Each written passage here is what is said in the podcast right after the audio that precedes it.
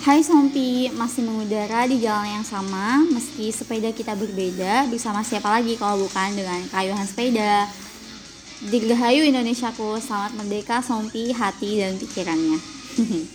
Pas banget ya Di tanggal 17 Agustus 2023 uh, Aku pengen sedikit ngerandom uh, Membahas tentang leadership. Karena ada satu hal yang mengusik tentang leadership yang aku dapati pada pengalaman saat aku melihat Gen Z.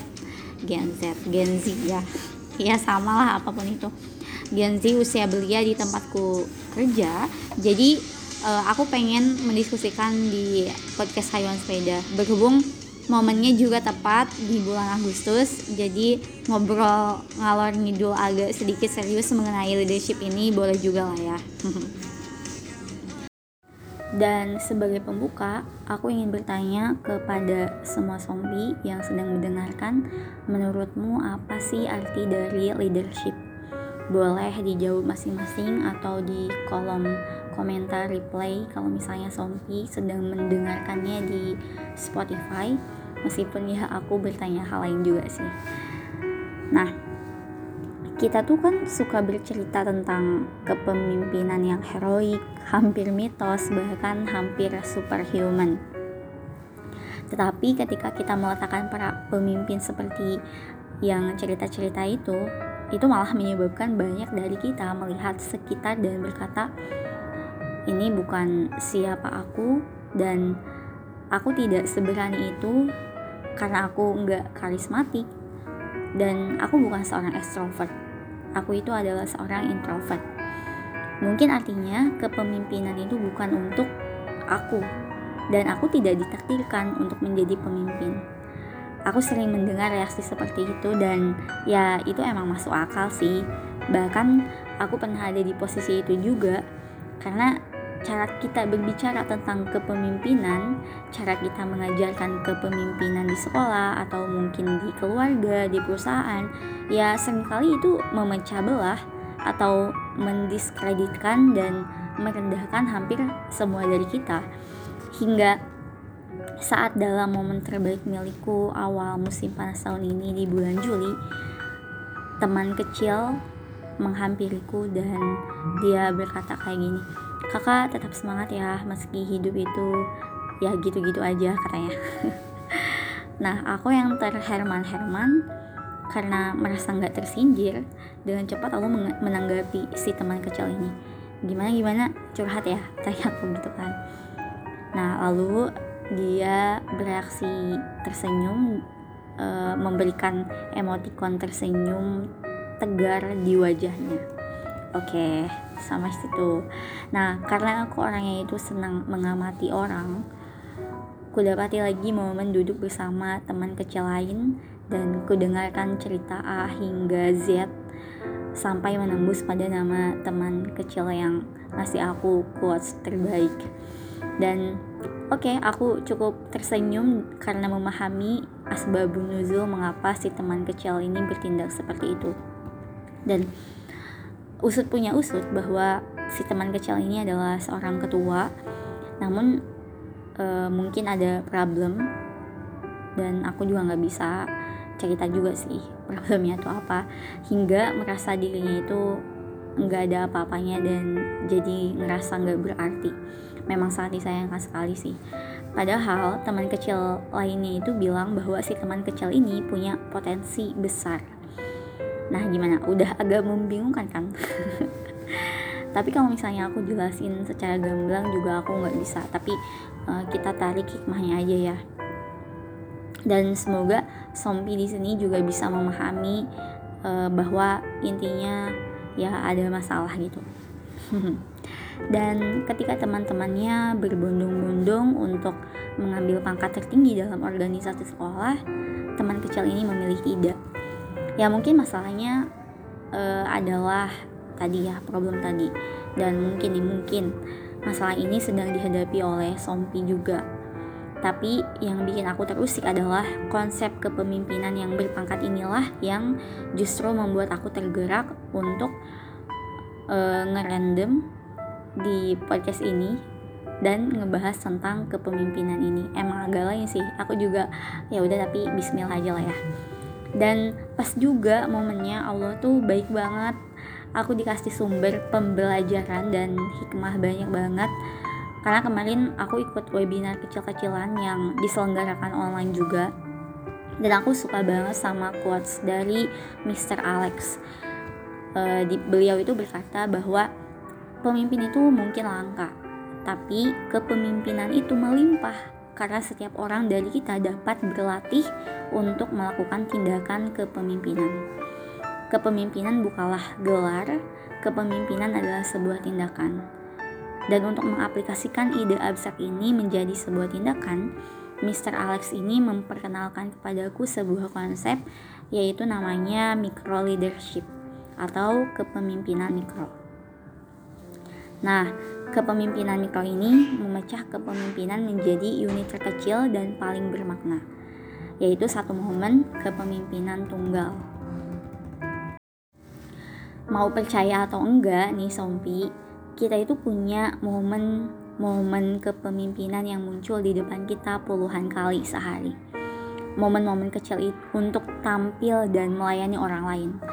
Mungkin ini saat kita ada dalam diskusi kelompok, melihat teman saat minta bantuan untuk e, mengajarkan kita soal matematika, kimia, fisika atau e, geografi lah ya, atau apa pun itu, atau ketika dalam dunia kerja atasan kita meminta kita untuk memberikan pendapat e, tentang program kerja.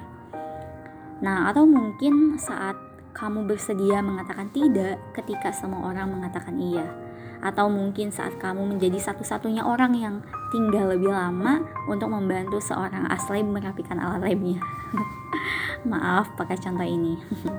Karena e, di situ ada teman kecil yang luar biasa selalu kayak gini. Jadi oke. Okay. Agak oke okay, kita skip aja ya. Atau mungkin saat kamu membantu guru untuk menghapus papan tulis yang masih penuh tulisan rumus-rumus. Nah, semua momen ini adalah momen kecil dan jika kamu perhatikan, kamu akan menyadari bahwa momen-momen ini muncul berkali-kali sepanjang hari. Tindakan paling berani adalah ya emang berdiri dan percaya bahwa kamu bisa menjadi seorang pemimpin. Tetapi ketika kamu memikirkan tentang menjadi pemimpin untuk pertama kalinya nih, itu bisa terasa seperti lompatan besar yang menakutkan. Contohnya itu mungkin kayak skydiving ya. Tapi berhubung aku juga belum merasakan, tapi itu kayaknya agak-agak menantang gitu dan lumayan mengerikan. nah, tapi pada akhirnya masuk ke dalam kepemimpinan itu tidak harus terasa seperti lompatan bebas yang besar saat kamu melakukan lompatan kepemimpinan kamu sendiri, kamu punya suara sendiri, ya udah biarin aja kepemimpinan mikro ini menjadi parasut kamu dan biarkan itu memberi kamu keyakinan untuk melompat ke ketinggian yang lebih besar dan lebih besar saat kamu melakukannya. Dan kamu bisa memulai dengan lompatan yang jauh lebih kecil dan membangun kepercayaan kamu dari sana dengan menggunakan konsep kepemimpinan mikro ini. Mungkin ya, mungkin kita merasa bahwa kepemimpinan bisa terasa mengintimidasi dalam tanda kutip. Tetapi kepemimpinan mikro itu inklusif loh sifatnya. Dan karena ini untuk kita semua dan semuanya dimulai dengan langkah-langkah kecil yang dapat dilakukan siapa aja. Ketika kita berpikir ke depan, mungkin ya agak terlihat sulit ya menjadi seorang pemimpin itu. Mungkin ya kalau dibayangin seperti menghadapi gunung yang besar. Mungkin juga kita merasa ragu untuk menyebut diri kita itu adalah seorang pemimpin atau mungkin ya udah emang itu sebetulnya bukan jalan aku terutama jika budaya kita mengajarkan kita untuk menunggu giliran atau kita berpikir bahwa hanya orang dengan kekuasaan resmilah yang bisa menjadi pemimpin. Tapi kepemimpinan mikro itu membantu kita memecah perjalanan kepemimpinan menjadi langkah-langkah kecil yang bisa kita capai. Saat kita melakukan tindakan-tindakan kecil berulang kali dan setelah beberapa waktu kita akan menyadari betapa banyak tindakan kepemimpinan yang sudah kita lakukan. Meski mungkin tanpa kita sadari. Dan meskipun tindakan-tindakan kecil ini itu terlihat remeh banget, tapi kalau diakumulasikan hasilnya itu sangat berarti banget loh sedikit menyambung nih. Aku tuh udah bahas tentang peran di podcast yang judulnya itu Who Are You Without Number sama tentang menikmati peran di podcast sebelumnya. Nah aku pengen sekarang kita sama-sama mengingat lagi tentang makna peran bersamaan dengan nilai leadership ini. Asik. Ya karena e, sangat disayangkan sekali ketika generasi milenial dan Gen Z ya meskipun nggak semuanya e, mungkin dari beberapa gitu ya e, berbondong-bondong ingin mendapat jabatan tinggi pangkat yang tinggi. Dan bisa dibayangkan gak sih apa jadinya 10 tahun ke depan kalau generasi sekarang pikirannya itu cuma soal eksistensi doang bukan manfaatnya gitu bermanfaat untuk orang lain. Nah jadi ya apa gitu makna leadership itu kalau itu tentang mendapatkan jabatan, pangkat yang tinggi, bisa memimpin orang-orang, itu tuh sempit banget gak sih maknanya? Maka kalau nggak dapet jabatannya, yang ada tuh ya bakal jadi kecil dan iri hati, ngerasa hidup biasa-biasa aja, gitu-gitu aja. Ada yang benci organisasinya, sebab aku pernah ini seduduk dengan orang yang seperti ini. Padahal kalau kita perluas lagi maknanya, saat kita diberi amanah dan kita mau tanggung jawab, meski kita tidak berpangkat, tidak berjabat, bukankah kita udah jadi leader untuk diri kita sendiri? Dan hal itulah yang akan mengafeksi dan mengkalkulate kita untuk menjadi pemimpin di masa depan. Who knows loh. Jadi ya nggak usah merasa enggak ada artinya ketika kita enggak punya titel apa-apa gitu loh. Sebab e, di sisi lain tentang leadership ini mungkin masih belum ada yang tahu. Si micro leadership ini e, mungkin belum ada banyak yang tahu. Dan lewat kejadian inilah lagi-lagi Allah tuh pengen aku bisa menangkap hikmahnya dan bisa membagikannya meskipun ya meskipun e, cara aku menyampaikannya itu random banget maaf ya tapi oke okay, balik lagi ke track bayangin aja kalau misalnya teman atau rekan kerja kamu yang mungkin mendapat manfaat dari tindakan kepemimpinan mikro kamu. Jadi yuk uh, mulai dengan menangkap setidaknya satu momen aja kepemimpinan hari ini sebelum kamu tidur. Terus gimana sih caranya? Kamu bisa membagikan ide yang kamu punya kepada orang lain ya walaupun ide itu tuh belum sempurna mungkin terus mungkin kamu bisa memberikan umpan balik yang baik kepada teman atau rekan kerja kamu dan sebagainya. Karena aku yakin kamu punya banyak ide lain juga. Sompi itu hebat-hebat.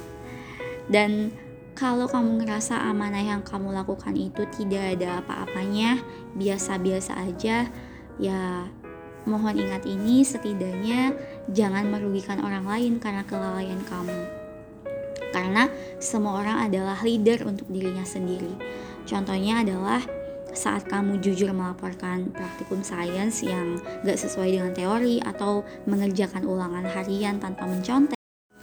Dibanding dengan kamu punya pangkat yang tinggi dengan proker yang melimpah ruah dan melelahkan ya ngapain coba? Terus buat apa coba kalau nihil wataknya aku masih ingat kalimat dari Profesor Din Syamsuddin saat aku menghampiri apa? Menghampiri menghadiri event leadership di Bandung. Beliau bilang kamu harus tahu kalau menjadi seorang pemimpin itu tidak ada sekolahnya. Maka jadilah pemimpin yang berwatak. Karena aku ngerasa dan aku tuh yakin bahwa selalu ada orang yang biasa-biasa aja tapi wataknya adalah watak seorang leader Nah, itu yang paling aku suka. Ia nggak suka jadi center, tapi ia peduli pada sekitar. Bukankah indah hal yang demikian itu? Tapi aku juga mengindahkan juga pada hati yang mengambil jembatan sebagai pemimpin untuk bermanfaat bukan untuk soal eksistensi belaka. Apalagi kalau cuma buat sertifikat aja. Ya tolonglah, itu mah anggap bonus aja ya mulai sekarang. Karena menjadi pemimpin bukan soal pangkat, tapi soal karya. Tapi karyanya itu harus diselesaikan dan dituntaskan Begitu kata Bapak Sudirman Said mantan Menteri Energi dan Sumber Daya Mineral yang beberapa lama banget sih emang aku temui di Jogja. Oke, okay, um, setuju nggak Sompi kalau sejarah panjang pemuda adalah momentual tentang perubahan? Dan satu hal bahwa perubahan nyatanya emang diprakarsai oleh kepemimpinan pemuda. Maaf banget ini bahasanya jadi agak berat ya dan semoga nggak membosankan ya. Oke, uh, oleh karena itu untuk menggagas dan menyiapkan pemimpin era milenial dan Gen Z adalah investasi masa depan yang paling berharga. Dan tantangan kaum milenial dan Gen Z hari ini adalah dirinya sendiri yang memiliki sifat cuek, isi going sih, tapi lemah attitude dan teoritisnya. tapi ya mau gimana lagi, emang kayak gitu kan. Mungkin gak semua ya dan pahamilah bahwa kita itu punya karakter yang senang berkolaborasi dan lebih suka mencari makna aktivitas yang dilakukan oleh kita. Nah, last one nih, menjadi pemimpin itu gratis karena mimpi itu gratis. Hanya saja kita perlu membayarnya dengan mempersiapkan diri kita sendiri. Menjadi pemimpin itu juga adalah tentang amanah dan jika amanah adalah rasa, maka silakan pilihlah rasa yang benar-benar favoritmu, artinya tetap menjadi diri sendiri sesuai kapasitas. Jadi selamat berperan ya, bukan baperan, karena minimal kita adalah pemimpin bagi diri kita sendiri. Semoga kita semua bisa menjadi seseorang yang di kepalanya ada ilmu, di hatinya ada takwa, dan di tangannya ada segala perbuatan baik yang dilakukan dengan tulus dan bahagia. Karena seorang pemimpin itu yang bisa menaklukkan lingkungannya. Ini adalah quotes favorit dari ayahku. Oke, okay, uh, eh, masuk kesimpulan. Jadi kesimpulannya adalah kepemimpinan mikro itu mengajarkan bahwa kita tuh nggak perlu jadi CEO, presiden, menteri, ketua OSIS, ketua ROHIS, ketua LDK, ketua apalagi ketua pramuka ketua PMR ketua-ketua aja pak ya untuk melakukan tindakan kepemimpinan ini adalah cara untuk melihat bahwa tindakan-tindakan kecil yang sadar dan konsisten bisa punya dampak besar dalam kepemimpinan. Nah, dengan begitu, kita tidak hanya mengembangkan keterampilan kepemimpinan, tapi juga menciptakan identitas baru sebagai seorang pemimpin. Karena kepemimpinan mikro ini adalah undangan bagi kita untuk mulai mengubah pandangan kita semua tentang kepemimpinan. Dari keyakinan bahwa hanya orang lain yang lebih berani, lebih ekstrovert, atau lebih karismatik dari kamu yang bisa menjadi pemimpin, menjadi pandangan bahwa kita semua bisa melakukan tindakan untuk memimpin. Jadi jangan menunggu izin, beraksi untuk melayani orang lain, dan lakukan berulang kali. Itulah kepemimpinan mikro, dan itulah cara momen-momen kecil dalam kepemimpinan yang akan membantu kita mengembangkan potensi kepemimpinan kita. Terakhir banget nih, sebagai penutup. Aku cuma pengen bilang buat kamu, dunia itu gak akan kiamat saat kamu tak memiliki gelar atau menjabat atau kamu punya pangkat. Karena sekali lagi menjadi leader bukan tentang eksistensi kamu dalam sebuah lingkungan atau lebih luasnya lagi di masyarakat dan umat. Tapi menjadi pemimpin adalah tentang bagaimana kamu bermanfaat dan berdampak untuk orang lain yang timbulnya itu dari rasa ikhlas dari hati yang orang lain itu nggak boleh tahu cukup kamu dan Allah aja yang tahu so sweet banget kan nah so pertanyaan terakhirnya adalah Who are you without pangkat Sompi? Kalau kamu bisa dengan cepat menjawab pertanyaan ini, kamu sudah menjadi pemimpin yang hebat. Untuk dirimu sendiri dan semoga insya Allah untuk keluargamu, lingkungan, bahkan masyarakat juga umat. Amin. Jadi tolong dijaga niatnya ya. Selamat mempersiapkan diri menjadi pemimpin yang amanah, merdeka.